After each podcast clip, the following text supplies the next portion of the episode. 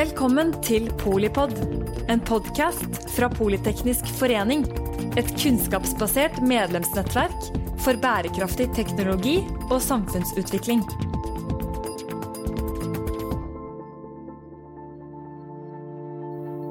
Hjertelig velkomne til eh, Polipod og denne episoden om det digitale eierskiftet og den norske modellen.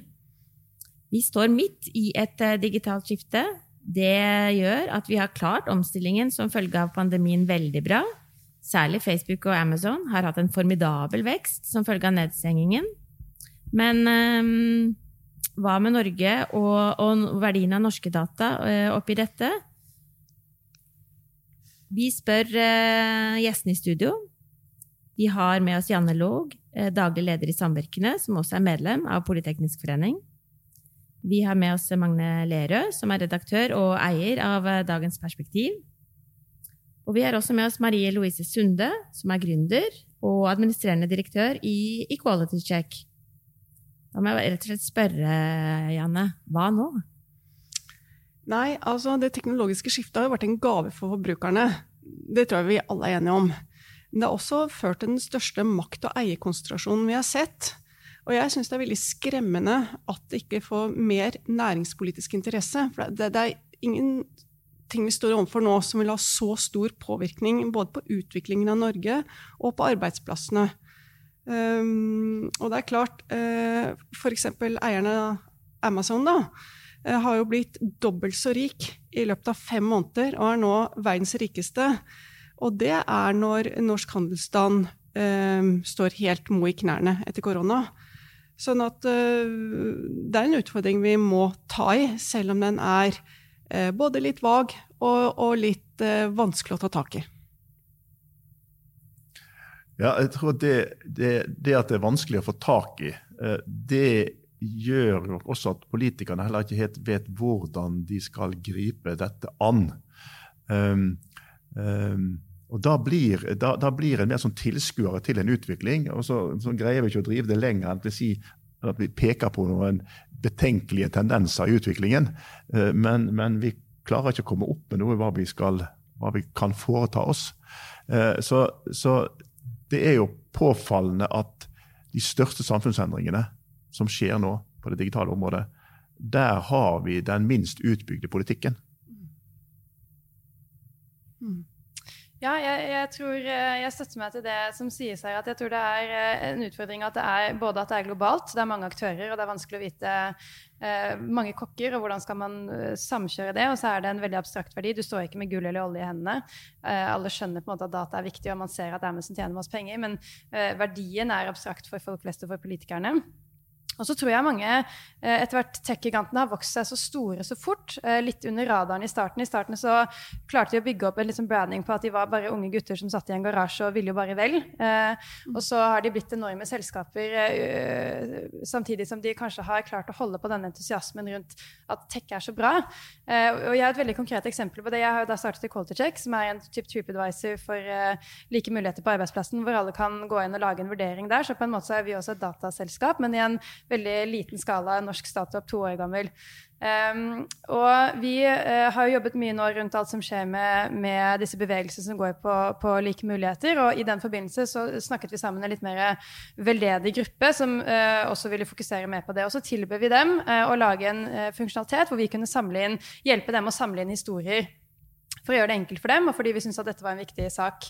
Eh, og denne eh, gruppen fikk råd fra en del eh, forskjellige folk som sa til dem at vet du hva, det, det syns vi ikke dere skal gjøre, fordi at her har Culturecheck helt åpenbare kommersielle interesser av å samle den dataen. og det er mye, her er det viktig for dere å fremstå som om dere på en måte ikke, ikke er kommersielle i det hele tatt. Så det er mye bedre å lage en gruppe på Facebook og samle inn dataen gjennom Facebook.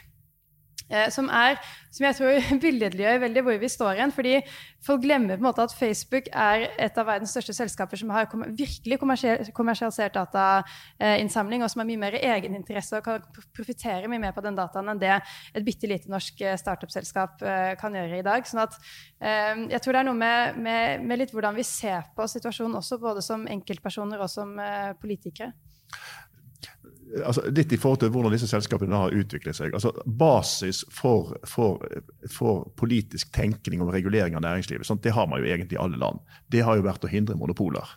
Mm. Sant? Og den måten vi hindret monopoler på, det er å sørge for at det er god nok konkurranse i et marked. Mm. Men, men, dette klarer vi faktisk ikke i forhold til disse fem største aktørene. Altså, Google blir monopolist når det gjelder søkemotorer. Facebook blir monopolist sant? på alle disse områdene. Og nå kommer også Amazon. Og de klarer altså å nærmest de er jo ikke monopolister, for selvsagt er det andre ting du kan kjøpe på nettet, men de blir så enormt mm. mektige. Og Det er det helt nye ved digitaliseringen. At det er, en, det er et monopolistisk driv mm. som nå har ført til at også amerikanske myndigheter og politikere er blitt mm. bekymret. Mm. Og man har fått en diskusjon om, om, om oppsplitting. For de kan bare ikke leve med at disse selskapene tar makten nesten både over handel, næringsliv og store deler av samfunnslivet. Og Der er man jo også over på globaliseringen, fordi digitaliseringen den følger jo ikke landegrenser. Eh, og det man gjør i Norge, er å være opptatt av eh, konkurransen nasjonalt. Så man er opptatt av at de norske medieselskapene f.eks. ikke skal bli for store. Man regulerer dem seg imellom, eh, og kanskje gjør at ingen av dem blir store nok til å hanskes med det mm. globale. Mm. Mm. Samtidig som at Google og Facebook og Amazon og alle disse kommer inn og tar annonseinntektene fordi det er lettere og billigere å, å gjøre det der, kanskje. Det er større digitale flater. Eh, så de norske selskapene taper, taper annonseinntekter i stor grad til de internasjonale selskapene. I tillegg så er det ulike konkurransevilkår fordi de norske selskapene jo må betale skatt i Norge, eh, mens disse Google og Facebook eh, betaler ingen skatt og får i pose og sekk på alle mulige måter. Så det er også noe med at man må etter hvert innse at landegrensene er etter hvert en, det, det appellerer ikke til det digitale markedet. Og der må man finne en eller annen måte å Eh, og se det på i, i, den, i, den, måten man bruker det i dag. Ja, det er Marie Louise har veldig rett, for Du kan ikke regulere nasjonalt når konkurransen er så sterk globalt. Eh, så Du får en blanding av at teknologi eh, føles litt fremmed. og Altså, det er veldig forbrukervennlig, men det er vanskelig å diskutere. Og så har du høy tillit i Norge, som gjør at vi Som jo er en gode i veldig mange tilfeller, men som er et problem her, når man ser veksten. Og så får du litt apati fordi at de er så store og de er så langt borte. Og så er det klart at uh, de amerikanske og de kinesiske konkurrerer veldig hardt mot hverandre, og det er sikkert veldig gøy. ikke sant? Uh, men i Kina får du en blanding med myndigheter, og i USA får du en veldig sånn det beste og det verste ved det frie markedet da, i den settingen her. Men, men nå er problemet så stort at vi kan ikke late som det ikke er der. Vi må i hvert fall begynne å diskutere det. Og når det er oppe i Kongressen, så, så må vi begynne å diskutere det nasjonalt. Den amerikanske kongressen. Ja. Vi har jo forvaltet eh, nye ressurser eh, tidligere til beste for eh, velferdsutvikling og Ja, altså, vi, altså der, hvor vi, der, hvor ressursene våre er til stede fysisk i landet, altså oljen innenfor vår sokkel, sant? der har vi jo et bestemt hvordan vi vil ha det. Det gjelder vannkraften. har vi også gjort det samme. Uh, uh, men det er litt endring. og Der, der er jo staten sant? er jo egentlig eh, vann, vannkraften. Det er litt annerledes når det gjelder vind. for Da er vi bundet liksom til at de som skal drive et vindkraftverk, det er egentlig åpen konkurranse. Men, men, men, vi kan skattlegge egentlig eh, grunnrenteskatt på det. Og fiskeri og alt dette der. Men det digitale der, det som du sier, det er internasjonalt. Der greier vi ikke å ta de grepene vi tidligere har brukt på å, på å liksom ta kontroll og beskytte. Så, så, der er man nødt til å få noen regler. Og det, nei, det, og det er vanskelig. Det er sånn, ingen land tar sjanse på sånne nasjonale reguleringer. Kanskje Frankrike. altså De er en pådriver. ikke sant? For Frankrike, som ønsker å være en stormakt, så ser at det blir, det franske forsvinner helt. Sant? Og, blir utkonkurrert. og det er forferdelig bittert på en, en, en, en, nasjon som virkelig har et sånt selvbilde som de har. Så det kan jo hende at EU på en måte griper sterkere inn og regulerer dette og sier at sånn vil vi enkelt og greit ikke ha det.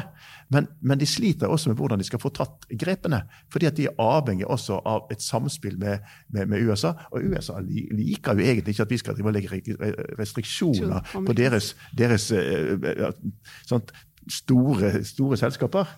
Så, så, det har med den internasjonale orden er sånn at vi har ikke kommet opp med reguleringer som er politisk akseptable i, i verdenssamfunnet. Mm. Eh, og så er det jo eh, også, som man jo ikke skal glemme, at mange av disse selskapene, sånn som Facebook for eksempel, og Google, de er fryktelig gode på annonser. Mm. Eh, så det er kjempeeffektivt å annonsere gjennom Facebook og Google. Og vi ser at våre politikere, for eksempel, når de kjører valgkamp, da er det stort sett bare Facebook og Google de kjører på. De bruker nok ikke så mye de norske reklamekanalene. Det kan sikkert du vite mer om fra ja, nei, altså Det er Facebook det går på. Pluss at, plus at Facebook bruker man jo mer, mer og mer nå i, altså, i den politiske kommunikasjonen òg. Mm. Det, er, det, er få som har liksom egne hjemmesider nå. De har Facebook-kontoer. ikke sant? Og det er, der de, det er der de kommuniserer. Giske kommuniserte der i går kveld. ikke sant? Han skrev ikke på sånn. Ja. Så det, Facebook er på en måte så innarbeidet. Mm.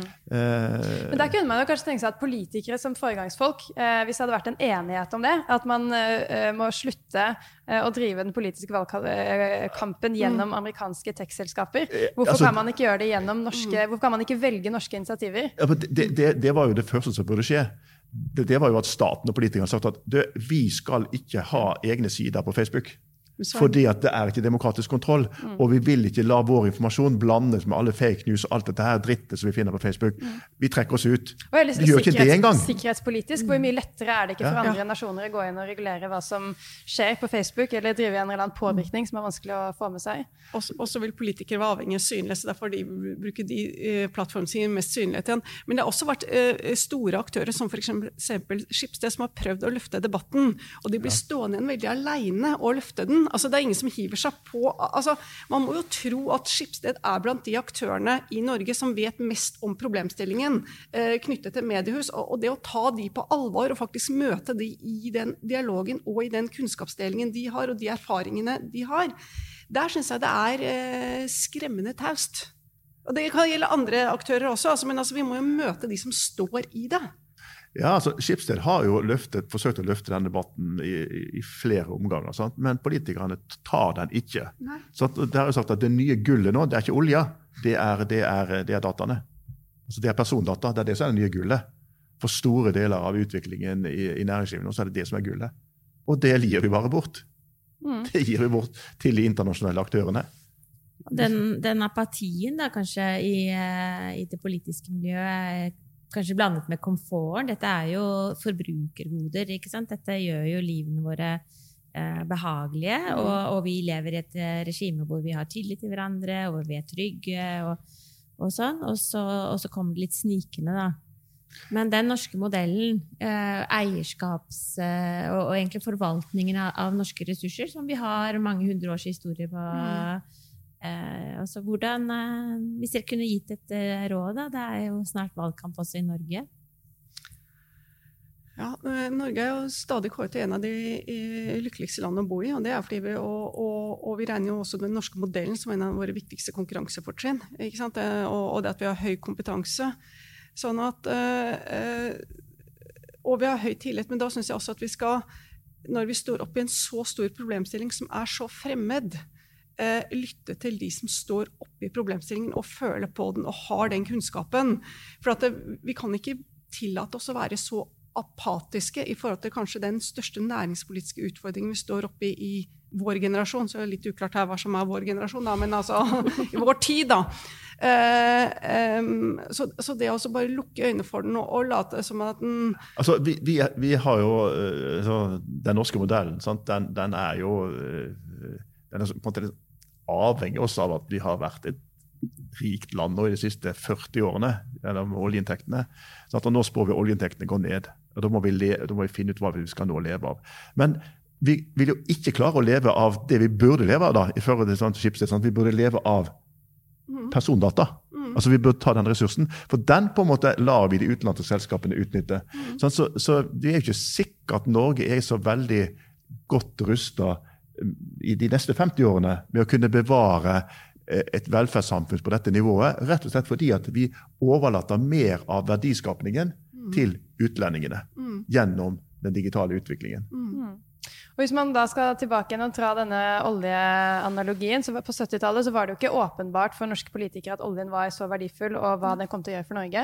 Og det krevde jo da egentlig ganske modige politikere som sa at nei, vet du hva, den kommer til å bli kjempeverdifull. Det er viktig for oss at vi utvikler den i Norge, at vi har eierskapet i Norge, og at vi utvikler kompetansen og infrastrukturen. Kan gjerne få hjelp utenfra. Men vi skal sitte på kompetansen og infrastrukturen. Uh, og det er, det, vi, det er, jo det vi, trenger nå, egentlig. Modige politikere som tør å si at vet du hva, denne uh, dataen er superviktig. Vi vet ikke helt hvordan vi skal uh, løse det og hvordan vi skal angripe det, men det er viktig at vi bygger en infrastruktur som holder det internt i Norge, og hvor vi kan skape verdiskapning her og ikke gi fra oss all data. Og det kommer til å svi litt i starten, for det er superconvenient sånn som det er nå. Mm. men det er der man må tenke, prøve å tenke litt lenger frem, og kanskje også begynne å prioritere, både som forbrukere, men også som bedrifter og som politikere prioriterer norske initiativ som i starten helt sikkert ikke kommer til å være like bra som Facebook og Google, eh, men som etter hvert kan eh, bygges opp og bli gode alternativer. Ja. Jeg er veldig enig. Og så tror jeg man må se på ulike måter å regulere på, f.eks. helsedata. Vi vil jo ønske at vi alle bidrar med våre helsedata. Men, men, det bør jo absolutt reguleres som et kollektivt gode. Det, det, er jo en fordel at vi alle gir dataene våre inn, for da blir dataene bedre.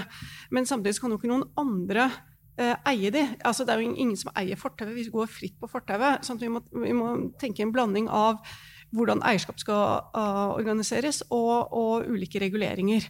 Og så er jeg enig i å uh, gi plass til at nye norske nordiske initiativ vokser opp og blir konkurransedyktige. Og jeg tror det er viktigere å gjøre noe nå enn å sitte og vente på den perfekte løsningen. For det, det gir litt dynamikk i markedet, bare det, altså.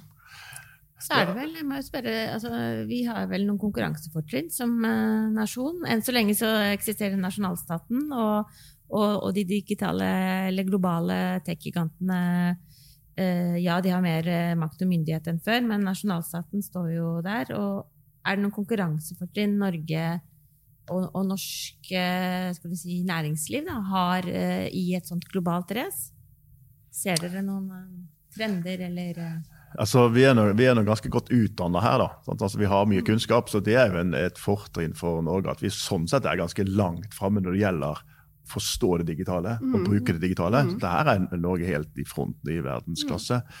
Men, eh, men, det, men det, hjelper ikke det når, når, de som på en måte eh, er stadig får en større del av markedet, er disse, disse store selskap, mm. amerikanske selskapene. Vi, at, eh, og de syns jo det er interessant å være i Norge. Mm. Altså Netflix var tidlig å være i Norge, for vi, vi, vi, vi, er digitale. Altså er, så, så, så, de syns Norge er et, veldig lite land, men et veldig interessant land pga. befolkningen. Sant? For vi er storforbrukere av det digitale. Men, men, altså, men, men utfordringen vår eh, vil være rett og slett om å bestemme oss for sånn Er det et problem? Mm. Altså Er utviklingen, den utviklingen vi snakker om, altså mener politikerne det er et problem? Og hvis jeg svarer på det ja, akter de å gjøre noe? Ja. Sånn, sånn? Og punkt tre, ja, eh, om de ikke greier å stoppe det, eh, kan de iallfall komme opp noen bremser? Ja. Det, det, er sånn, Men, men vi, vi, er ikke, vi, er ikke, der engang i debatten. Altså for det, det, Vi snakker om sånn, ja, vi må skattlegge selskapene. Vi skal skattlegge disse selskapene. Vi bør jo det. De betaler nesten ingenting i skatt. Sant? Det er jo ingen som betaler så lite skatt til det. Så, og så, så, venter vi på at OECD skal finne en eller annen modell hvor, eh, som vi skal bli enige om. og Det, det skjer jo, har, Vi har jo venta på det i lang tid. Det er jo ikke så vanskelig. Sant? Hvis det virkelig hadde vært vilje til det, så hadde man funnet en løsning. Men det finner man ikke.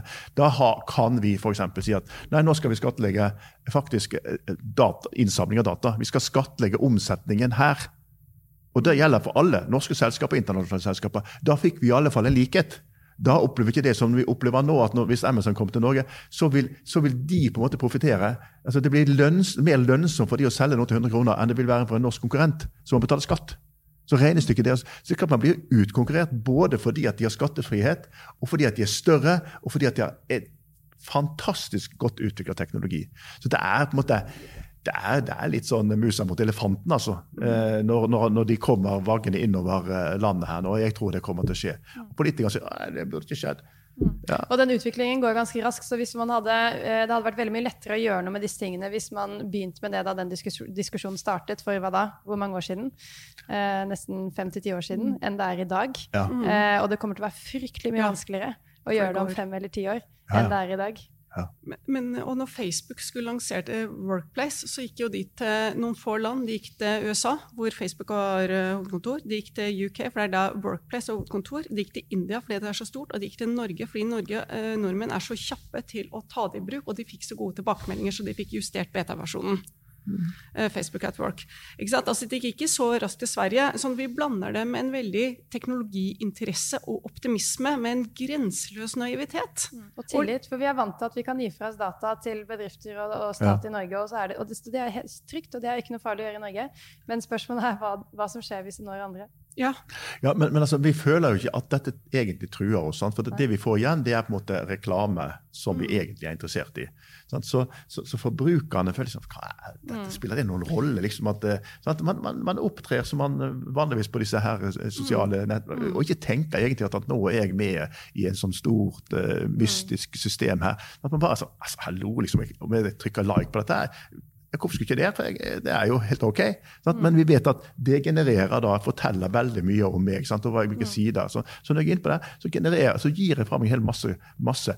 Men jeg føler ikke trua av det. Nei. Og så er det, Vi har jobbet mye med ubevisst diskriminering. og En del ja. av de dynamikkene tror jeg er ganske overførbare. fordi De aller fleste mennesker har en enorm tillit til sin egen integritet. Eh, så alle, De fleste mennesker vil si at ja, jeg vet at uh, Facebook påvirker mange, og ja, det har påvirket valget i USA, og det påvirker sikkert valget andre steder, eh, men jeg ja. blir ikke påvirket av det. Andre blir påvirket, men jeg blir ikke påvirket av det. Eh, og så vi, Når man ser på undersøkelser, så viser det seg at de aller fleste blir det i større eller mindre grad. Eh, og så som du er inne på, når man, hva slags type nyheter som kommer, hva slags type eh, eh, varsler man får av hvilke type ekkokamre man blir eksponert for. Det påvirker enkeltindivider, og det kan jo påvirke ethvert samfunnet. Det er jo kanskje det man ser i, i USA og andre steder. Så det er også en, en farlig utvikling som er en, en, del av dette som mange kanskje ikke tror at de er påvirket av selv, i hvert fall. Men det er ett år igjen til valget. Eh, du er redaktør eh, i et eh, viktig medium. Du har ikke lyst til å spørre de som er næringspolitisk ansvarlig i de ulike partiene. Syns du denne utviklingen er uproblematisk? Og, du, og, så, og, hvis spørsmålet er ja, nei, har du tenkt å gjøre noe? Ja, ja, det, ja men det, det, det lover det skal vi gjøre. Ja, det må vi gjøre. og da skal vi lese. Ja, nei, altså det, Spekulerer mer på kan vi gjøre noe mer her. Altså, jeg tenker på Den storsatsingen vi har inn i kommunikasjon i Norge, det er NRK. Mm. Så NRK hadde jo aldri blitt etablert i dag. Sant? Eh, fordi Det ble etablert fordi TV-medier var så dyrt og radio. Sant? vi måtte ha det, I dag har vi jo masse der. Men, men vi bruker utrolig mye penger på det. Kunne, kunne NRK istedenfor å bli en støttespiller til Facebook med sine 60 kontoer som de har nå, altså kunne NRK fått en, fått en posisjon liksom, i det norske samfunn som sånt, et sted hvor liksom, vi tok vare på norske data?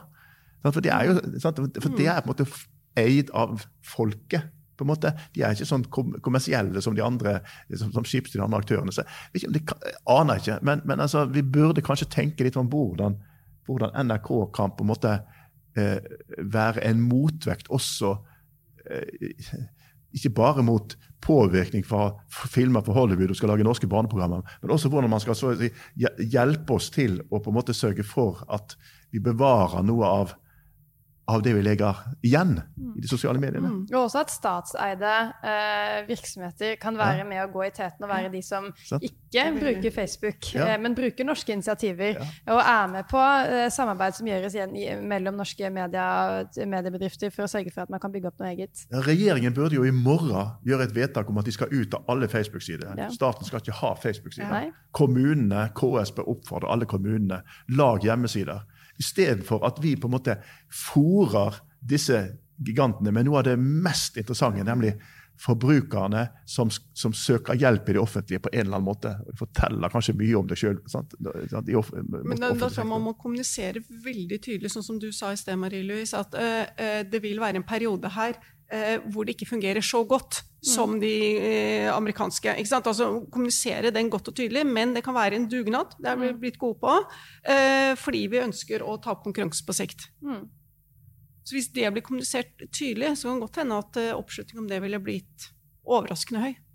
Nå snakker vi veldig konkrete råd, da. jeg ba jo om det, så, så friske innspill. Ja. Det er veldig bra. Men jeg tenker, eh, data er jo ikke data. Altså Persondata er liksom én ting. Det er, det er, veldig mange eh, datasett i Norge som er av kommersiell interesse, som er av betydning, som ikke nødvendigvis er knyttet til, til kun persondata. da.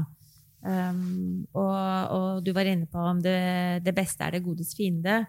Er det, hvordan er det å, å, dele dette litt opp i forhold til hvor vi faktisk har, uh, har en fair sjanse til å etablere uh, si, norsk forvaltning da, på, på ulike typer datasett? Har dere sett noe på det, kanskje, i samvirkene? Vi har, vi har, ikke sett på det, men jeg bare tenker på at det, det, hvis man starter med en elefant, så kan det være alltid lurt å dele den opp. Sånn at man begynner med, med si, litt lavthengende frukt, og der man tror man kan få det til uten at de negative konsekvensene blir så store, så vi får litt selvtillit og får litt boost rundt det, og så at vi kan ta litt fart. Mm. Det å tenke gründer ABC er å starte med en nisje, og så mm. uh, brede ut etter hvert. Ja, også kanskje Ok, vi det er ikke sikkert vi trenger så mange flere utvalg i, i, Norge, men vi har jo gründere som har prøvd seg. Vi har selskaper som står midt oppi det. Så å, å fått konkrete råd fra de som står midt oppi det, og har liksom sittet oppi grøten, og så begynne å gjøre noe, og, og ikke, ikke, ikke, ikke, sitte og vente på den perfekte løsningen. Nei, men, men det, det, er veldig viktig at vi får disse her nye uh, gründerne sant, som bruker den digitale teknologien, og at vi der på en måte greier å utvikle eh, tjenester som er nesten like gode som de, de, de amerikanske gigantene. Altså, se på mm. Uber, f.eks. Eh, de hadde jo en fantastisk teknologi når de kom. Sant? Og vi tok Uber-drosjer for første gangen og, sant? og syntes at det fungerte aldeles utmerket. Men, men var, det, var, det, var, en del minuser med det. Ikke, sant? Mm. ikke var det fast ansettelse, og ikke var det skikkelig med løyve. Altså, det ble jo stoppa. Og eh, nå, nå, får de på en måte problemer i flere land fordi det, det kommer til krav om at du får jammen sant ansatte sjåførene dine. Mm. Men, men, men, men, teknikken de hadde utvikla, altså denne tilbakemeldingen til kunden, hvordan skal bety, altså, den var jo flott. Sant? Det var det som gjorde at mange ble så begeistra for det, fordi det var så fantastisk mye enklere. Så, så, det gjelder på en måte å utvikle sånn digital teknologi på veldig mange områder som er sånn nesten like god nok. da til at det kan fungere som en motvekt. For det, det var en ulykke. Liksom. Hvis, hvis, hvis, hvis Uber hadde fått virkelig gjort som de ville, ja, så kanskje vi hadde rasert hele det norske drosjemarkedet her i Oslo. Og da ville 30% av omsetningen gått til gått ut av landet. Mm. Og der er man jo så inne på Hvis man skal klare å skape en Det har jo skjedd mye mer oppstartsvirksomhet i Norge de siste årene enn det har vært tidligere. Ja. Men det er fortsatt der veldig mange ting som kunne vært gjort. Se hvordan eh, de har en del løsninger i Sverige som er mer um, gjør det lettere uh, å starte, starte selskaper, som mm. reduserer den økonomiske risikoen for individene, og som reduserer den økonomiske risikoen for selskaper. Det er veldig mye ting man kunne gjort med, med, lettere, med skatteletter for startup i en viss periode, med en eller annen form for um, stipendordning for gründere i starten for de som ikke kan jobbe. Ofte må du jobbe ulønnet i et par år i hvert fall, før du mm. kan begynne å ta ut lønn. Det skjer ofte samtidig med at du er i en etableringsfase, fordi veldig mange starter jo selskaper når man er mm. rundt 30 og har litt arbeidserfaring og samtidig skal etablere seg med partner og barn og alt mulig sånn. Så uh, man, man, kunne nok også vært ganske kreativ med uh, andre former for insentiveringsløsninger uh, for de som skal hoppe ut i det og gjøre det. Og så har vi jo, Det blir ikke helt det samme, men vi har jo eksempler på at vi har klart på noen områder. F.eks. NRK. altså Når Netflix kom, eh, så var det sånn at NRK ikke ville klare seg i konkurransen fordi det var så man kunne streame hva man ville, når man ville. Men NRK har jo eh, både utvida tilbudet og har masse serier og filmer og sånn. Og, og Men hva er det NRK har fått? Shitloads med penger fra staten for ja. å klare det. Og, det, og, sånn er det jo for å starte enhver type oppstartsvirksomhet. er enormt kapitalkrevende. Og det kunne man jo utvide til mer enn en, men vi, har, vi, har, vi, er jo et rikt land. Vi har shitloads med penger. Vi må ja. bare fokusere det litt på hva vi skal ja. bruke det på. Ja, så, så, får vi jo det til. Men, men prioritere uh, skitloss med penger i et globalt perspektiv tror jeg kan være Med et globalt uh, næringspolitisk perspektiv tror jeg kan være lurt nå. Nei, men, men det, vi får en interessant diskusjon om dette nå. for Nå kommer NHO på banen òg. Og, og, og det, det, er litt nytt å si at nå må staten på en måte bestemme seg for hva slags industripolitikk de vil føre. Altså, det er litt nye toner. for hva de sier, Dette må markedet finne ut av. Altså, det, tradisjonelt så har jo på en måte høyresiden vært sånn markedet tar seg av dette der. Men, men nå kommer NHO og har forventninger til staten. Ja. Og, og, og, det er òg helt nødvendig, sant? for staten sitter med ganske mye penger. Det ser vi jo nå. Sant? Det er utrolig hvor mange milliarder man greier å dra opp når det virkelig er krise, sånn som er i korona. Så, så, så spørsmålet er sånn, ja, hvor mye vil det være villig til å egentlig investere i å få utviklet det digitale? For det er der vi nå må satse. Mm. Jeg tar den uh, lissepasningen, uh, rett og slett. Uh, jeg tror Politeknisk forening skal både invitere de som har helt konkrete forslag til hvordan vi angriper materien, og politikere som jeg tror også har genuin interesse av å å lære og forstå, og dette jo Dette bekymrer jo eh, mange, men eh, så, så, det skal vi eh, definitivt komme tilbake til. Om det blir en eh, serie om aktiv næringspolitikk for eh, digital verdiskaping frem til neste valg, med hjelp av gode både medlemmer og, og flinke folk som, som gjør noe med det. Jeg vil bare takke dere, rett og slett, for å ha delt av både gode eksempler og si, bekymringer, men også muligheter knyttet til at det går an å gjøre noe. Tusen takk, Janne Log, daglig leder i Samvirkene. Tusen takk, Magne Lerøe, redaktør eier av Dagens Perspektiv. Tusen takk, Marie Louise Sunde, gründer og administrerende direktør i Equality Check. Men også tusen takk til deg som lytter til Polipod, der du er og når du vil og hvor du vil. Kanskje du bare tar den lille oppfordringen da, med, å, med, å, tenke litt på hvor dataene dine havner, og hvordan du eh, kan bidra i din jobb der eh, i forhold til den digitale verdiskapingen. Takk for at du lyttet til Polipod fra Politeknisk forening. Få med deg flere episoder, eller bli med på nettverksmøtene som du finner på at polyteknisk.